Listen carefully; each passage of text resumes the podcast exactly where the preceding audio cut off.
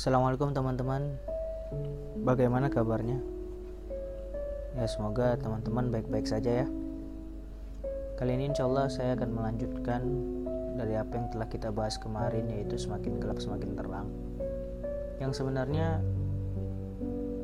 materi-materi ini merupakan uh, bagaimana kita seorang manusia itu bisa mendapatkan pertolongan Allah. Sebagaimana uh, setiap yang ada di dunia ini itu pasti terdapat pola-polanya yang pola-pola tersebut ketika disusun dan tepat peletakannya maka akan terbentuklah sempurna. Nah di sini insya Allah kita akan belajar bagaimana sih sejatinya kita uh, menjemput pola pertolongan Allah itu. Kata kuncinya memang dijemput ya, karena sejatinya itu dari kita sendiri.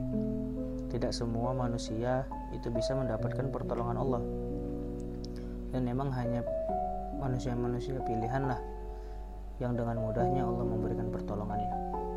Setelah kita kemarin membahas tentang semakin gelap dan semakin terang, insya Allah di malam ini, di hari ini, kita akan membahas hal yang paling penting sih dari kehidupan kita, yaitu hubungan kita baik vertikal maupun horizontal. Kita seorang manusia ini tentu tidak pernah terlepas dari hubungan dan hubungan kita itu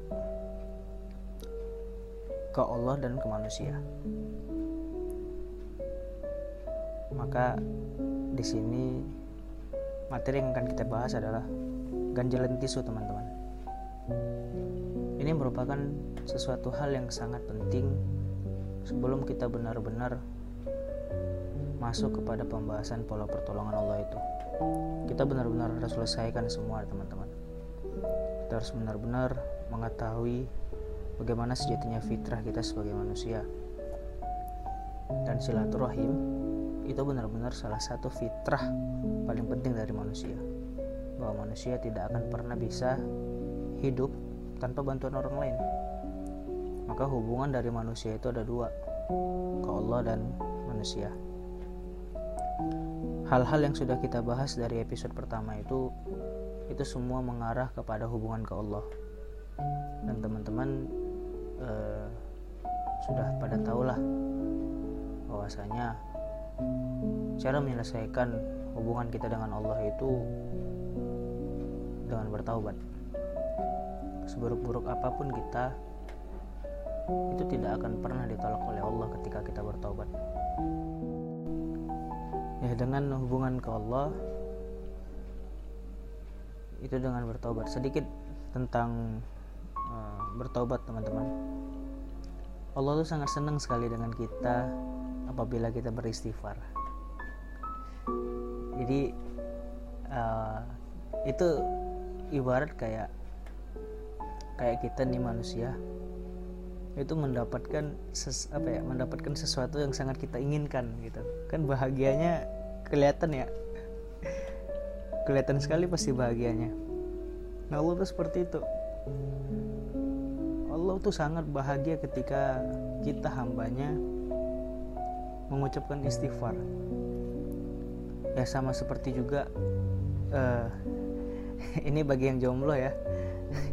Uh, chat kita tuh dirit gitu sama uh, lawan jenis yang kita sukai. Itu kan bahagianya minta ampun ya baru dirit aja gitu. Yang terlepas dia sengaja atau nggak sengaja ngeritnya tapi kita udah, seneng, udah seneng banget tuh ketika chat kita tuh centang bi centang biru gitu kan. Yang selama ini mungkin hanya checklist dua saja nggak terlihat centang birunya. Tapi kali ini centang biru itu kan bahagianya minta ampun ya. Nah itu melebihi itu teman-teman. Atau e, ibarat kita lagi jalan gitu kan. Tiba-tiba e, hujan dan hujan kali ini berbeda. Itu hujannya uang masya Allah dan uangnya uang dolar semua. Wah itu pasti bahagia sekali. Nah Allah melebihi hal itu teman-teman. Allah benar-benar senang sama kita ketika kita mengucapkan istighfar sebahagia itu Allah. Analoginya seperti itu teman-teman. Ya Allah tuh nggak akan mengingat kesalahan-kesalahan kita. Allah nggak akan mengingat apa yang kita lakukan tadi malam. Allah nggak akan mengingat apa yang telah kita lakukan uh, sehari yang lalu Allah tidak akan pernah mengingat apa yang akan kita lakukan dua jam yang lalu. Ketika kita bermaksiat. Dan dengan istighfar saja itu Allah sudah melupakan kembali. Sudah melupakan semuanya. Seperti melihat kita yang benar-benar baru lahir. Sini. Sini mendekat denganku kata Allah. Ya Allah Allah mah emang kayak gitu ya orangnya. Eh Allah mah emang kayak gitu zatnya ya ya dia berbeda sekali dengan manusia. Ya kalau coba kalau kita dengan manusia. Ya boro-boro dimaafin pasti maaf gitu kan. Setelah apa yang kau lakukan kau mau minta maaf. Ya sepertinya ini bakat acting yang terpendam ya. Ya emang seperti itulah. Jadi melepaskan ganjalan tisu dengan Allah itu sangat mudah sekali teman-teman. Karena Allah emang maha penerima tobat mau seperti apa pun kamu berdosanya kita bermaksiatnya kita. Ketika kita benar-benar tulus untuk bertobat berjanji untuk tidak pernah melakukannya lagi dan beristighfar dengan sebenar-benarnya istighfar dengan Allah dengan tulus sekali beristighfar dengan Allah. Insya Allah teman-teman Allah akan memaafkan kita sebesar apa pun dosanya kita. Dan hal yang kedua yang sangat sulit dari ganjalan tisu ini adalah manusia teman-teman. Kenapa kita kenapa saya bilang tuh ganjalan tisu ya? Ya ibarat eh, teman-teman tuh mau mengambil uang ya di ATM ibarat teman-teman mau ngambil uang di ATM Nah, teman-teman akan memasukkan kartu ATM itu ke dalam uh, mesin ATM itu. Dan ternyata di lubang mesinnya kartu ATM itu ada tisu teman-teman. Nah secara otomatis kartu ATM teman-teman tuh nggak akan bisa masuk untuk sana. Hal paling mendasar hal yang paling logik untuk menyelesaikan semua itu adalah keluarkan dulu ganjalan tisu itu. Teman-teman ambil dulu tisu tersebut sehingga teman-teman bisa lagi memasukkan ATM dan teman-teman bisa mengambil uangnya. Namun ketika kita ingin mengambil uang di ATM namun ganjalan tisu tersebut tisu tersebut masih ada terdapat ganjalan di lubangnya maka sampai kapan pun kita nggak akan pernah bisa mendapatkan uang itu. Ya begitulah analoginya dalam kehidupan kita teman-teman. Mungkin selama ini apa sih yang menghambat rezeki kita? Apa sih yang menghambat terkabulnya doa-doa kita? Ya mungkin salah satunya adalah ganjalan tisu teman-teman. Bahkan ganjalan tisu ini bisa sampai ke surga teman-teman ketika kita selangkah lagi ingin masuk surga dan ternyata ada salah satu ganjalan tisu yang belum kita selesaikan dengan saudara kita maka dia akan meminta peradilan sama Allah nanti Ya Allah, saya nggak ridho dia masuk surga karena dia telah menyakiti hatiku. Kita nggak bisa berbuat apa-apa teman-teman. Hanya gara-gara kita belum meminta maaf dengannya, belum menyelesaikan ganjalan tisu tersebut, maka yang selangkah lagi pun kita akan masuk surga itu akan terhambat teman-teman. Ya, kalau untuk dasarnya teman-teman bisa sama-sama kita buka Al-Quran kita di surah Ibrahim ayat 22 yang mungkin lagi dekat dengan Al-Quran boleh dibuka Al-Qurannya sembari kita coba lihat Quran surah Ibrahim ayat 22 Ya'udzu billahi minasyaitonir rajim Bismillahirrahmanirrahim. Wa qala syaiton Nah, di sini yang berbicara di Quran surah Ibrahim 22 ini adalah setan teman-teman. Di sini adalah uh, pembongkaran rahasianya setan kepada kita. Pokoknya setan dan setan berkata di sini. Di sini setan berkata ketika perkara telah diselesaikan ketika semua masalah telah diselesaikan. Di sini identik dengan kita dengan manusia ya teman-teman. Ketika masalah kita dengan manusia lainnya telah diselesaikan maka sesungguhnya Allah Allah telah menjanjikan kepadamu janji yang benar dan aku pun telah menjanjikan kepadamu tetapi aku menyalahinya. Tidak ada kekuasaan bagiku terhadapmu melainkan aku menyeruh kamu lalu kamu mematuhi seruanku. Oleh sebab itu janganlah diri jag, oleh sebab itu janganlah kamu mencerca aku tetapi cercalah dirimu sendiri. Nah di sini sangat jelas teman-teman bahwasanya ketika perkara kita sudah selesai maka Allah akan menjanjikan kepada kita janji yang benar. Tapi setan malah mengingkarinya. Dan tidak ada kekuasaan bagi setan terhadap kita. Melainkan kita sendirilah yang harus bertanggung jawab dengan apa yang sudah kita lakukan. Di sini setan mengatakan bahwasanya tidak ada kekuasaan bagiku terhadapmu, melainkan aku menyeruh kamu lalu kamu mematuhi seruanku. Oleh sebab itu, janganlah kamu mencerca aku. Di sini terlihat jelas salahnya kita, teman-teman. Ketika kita tergoda oleh rayuan setan, kita melakukan apa yang setan perintahkan, maka kita harus bertanggung jawab dengan diri kita sendiri. Kita nggak akan bisa meminta pertanggungjawaban dengan setan.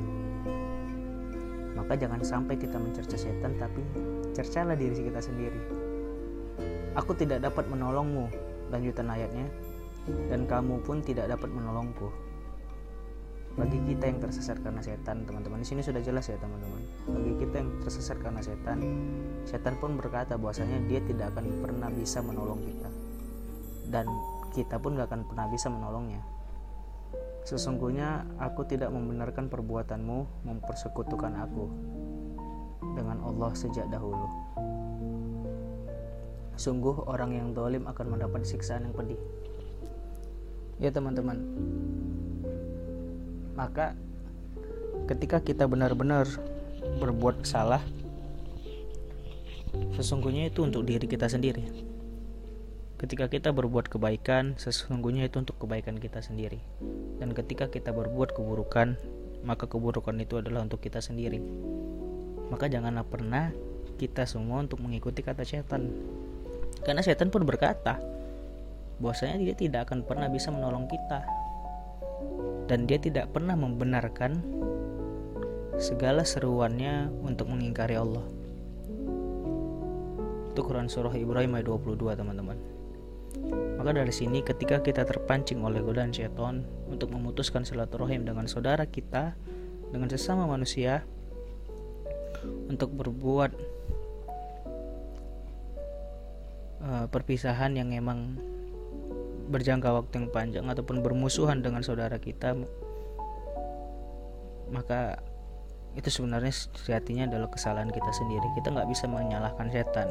Kita nggak bisa menyalahkan uh, emosi kita pada saat itu. Karena kita yang menuruti hawa nafsu kita sendiri. Padahal kita bisa sangat benar-benar beruntung ketika kita bisa menahan emosi kita sendiri maka jalan satu-satunya ketika kita bisa untuk melepaskan ganjalan tisu kita dengan manusia lainnya yaitu dengan meminta maaf teman-teman. Di sini ada tiga kata sakti yang mungkin bisa mempererat kembali hubungan kita dengan manusia lainnya dan salah uh, kunci kunci utamanya itu adalah hilangkan ego teman-teman. Hilangkan ego uh, apa namanya bersihkan hati benar-benar bahwasanya ya Allah aku ingin meminta maaf kan dengan si fulan karenamu ya Allah. Gitu. Maka permudahkanlah hatiku untuk menerimanya kembali meskipun aku masih sangat jengkel gitu ya. Tapi hilangkan ya Allah gitu itu demi kebaikan kita juga teman-teman. Maka tiga kata sakti itu adalah I'm sorry. Thank you. And I love you. Tapi untuk kata yang terakhir itu agak di ini ya di filter sedikit ya. Kalau dia untuk lawan jenis dan kira-kira dengan mengatakan I love you itu sangat riskan. Sangat riskan untuk hatinya. Maka ya sudah nggak usah nggak usah diinin nggak usah diucapin kayak gitu. Gitu I'm sorry thank you and I love you. Maka ketika kita membahas ganjalan tisu teman-teman dan hubungan kita untuk manusia gitu kan maka teman-teman coba coba benar-benar uh, fokus kepada beberapa orang ini. Itu yang pertama adalah ibu gitu kan. Coba perhatikan benar-benar meskipun kita tidak ada salah teman-teman. Meskipun kita tidak ada salah dengan ibu maka cobalah kita untuk benar-benar melapangkan hati kita untuk mengatakan I'm sorry kepada ibu. Ya mau mau mau kamu ahli sedekah mau kamu ahli haji umroh gitu kan. Kalau ibu kita nggak ridho dengan kita maka sedekat apa pun surga itu tidak akan pernah bisa kita masuki teman-teman. Maka pulanglah gitu kan karena betapa bahagianya dia ketika dia melihat kita kembali teman-teman. Hal yang paling utama selain benar-benar orang di luar keluarga kita datangin ibu kita. Katakan I'm sorry I love you dan I'm, uh, katakan I'm sorry thank you and I love you. Maafkan maafkan aku ya maafkan aku ya ibu atas segala apa yang telah kulakukan selama ini yang mungkin sampai sekarang masih masih tertanam di dalam hatimu. Namun engkau tidak menunjukkan hal itu kepadaku. Maka maafkan aku ya maafkan aku ya ibu. Dan ucapkan thank you. Terima kasih ya terima kasih ibu. Terima kasih mama. Terima kasih umi.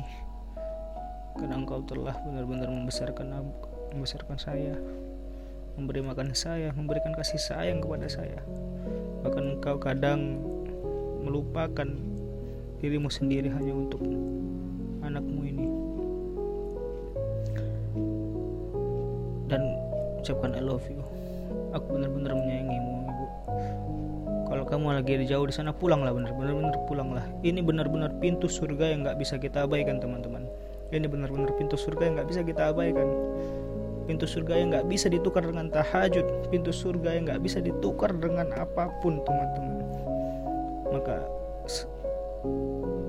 samperin ibunya kalau belum bisa samperin ibunya Umi ataupun mama.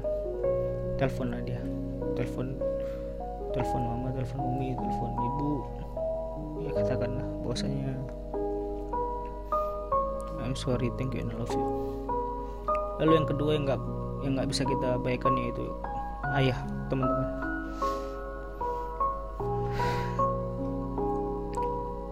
kita sama-sama tahu bahwasanya ayah ini benar-benar pimpinan keluarga kita tombak utama dalam keluarga gitu kan. Yang rela menunda hak-hak pribadinya,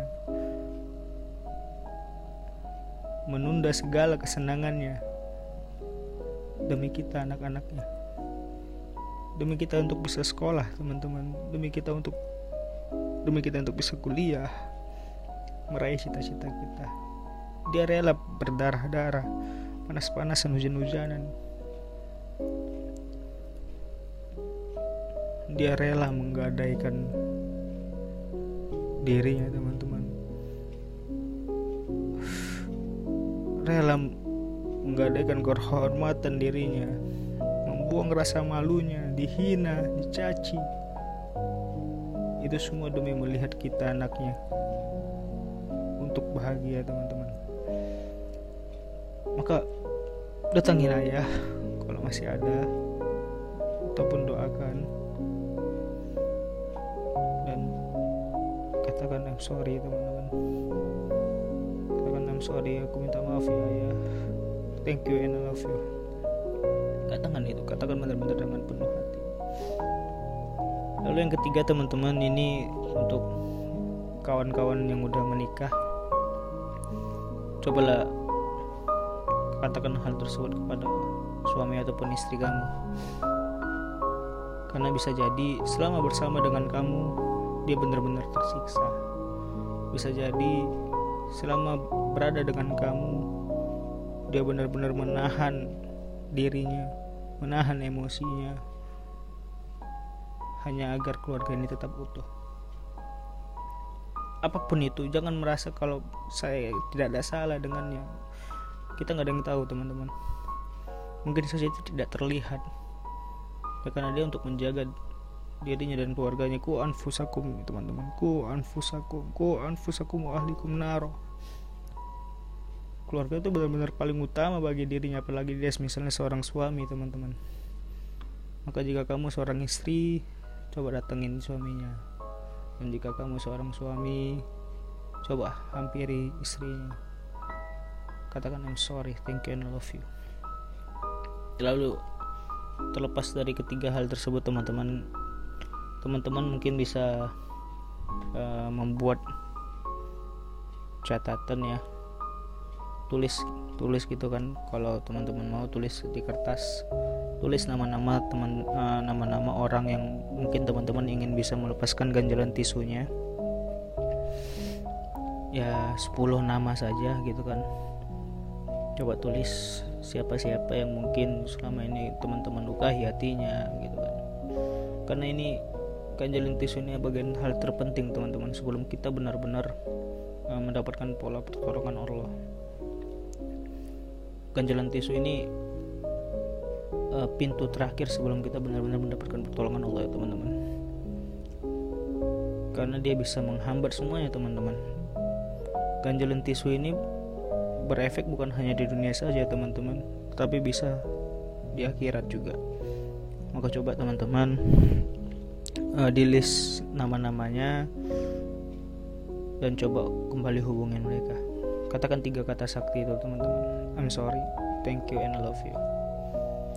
Ya mungkin itu aja teman-teman yang uh, bisa saya sampaikan pada hari ini. Semoga bisa bermanfaat bagi teman-teman dan di selanjutnya kita akan mulai masuk ke lima pola pertolongan Allah. Dan di ganjalan tisu ini teman-teman selain dari dua objek tadi vertikal dan horizontal baik itu ke Allah ataupun manusia kata kunci dari ganjalan tisu ini ada dua teman-teman. Yaitu 2i dan 2l 2i ini yang pertama i i itu adalah ingat kebaikan orang lain dan lupakan keburukan orang lain. 2i 2l ya teman-teman ya. IL yang pertama itu adalah ingat kebaikan orang lain dan lupakan keburukan orang lain. Jangan kebalik teman-teman. Jangan yang diingat hanya keburukan-keburukan orang lain saja, tetapi tidak mengingat kebaikannya. Maka insya Allah ketika teman-teman mengaplikasikan ingat kebaikan orang lain dan melupakan keburukan orang lain, maka kita hidup akan legowo saja. Kita nggak akan pernah peduli dengan apa pun yang orang lain lakukan, kita hanya fokus kepada kebaikannya. Lalu 2I 2L yang kedua adalah ingat keburukan kita dan lupakan kebaikan kita pada orang lain. Jangan kebalik juga. Jangan yang kita ingat hanyalah kebaikan-kebaikan kita kepada orang lain, tetapi kita melupakan keburukan kita. Ingat, dalam kertas putih satu titik berwarna hitam itu sangat terlihat jelas. Maka lebih baik kita lebih mengingat keburukan kita dan melupakan kebaikan kita dengan orang lain. Maka insya Allah juga kita tidak akan menjadi orang yang sombong dan insya Allah silaturahim akan terjalin terus. Oke teman-teman, 2i dan 2l ya untuk di ganjalan tisu. Subjeknya ada dua, horizontal dan vertikal yaitu Allah dan manusia. Uh, kalau Allah itu kita bertobat dan beristighfar dan untuk manusia katakan I'm sorry I love you dan I'm sorry thank you and I love you dan untuk uh, kuncinya ini 2i dan 2l ya itu aja mungkin teman-teman yang bisa saya sampaikan nah, semoga bermanfaat assalamualaikum warahmatullahi wabarakatuh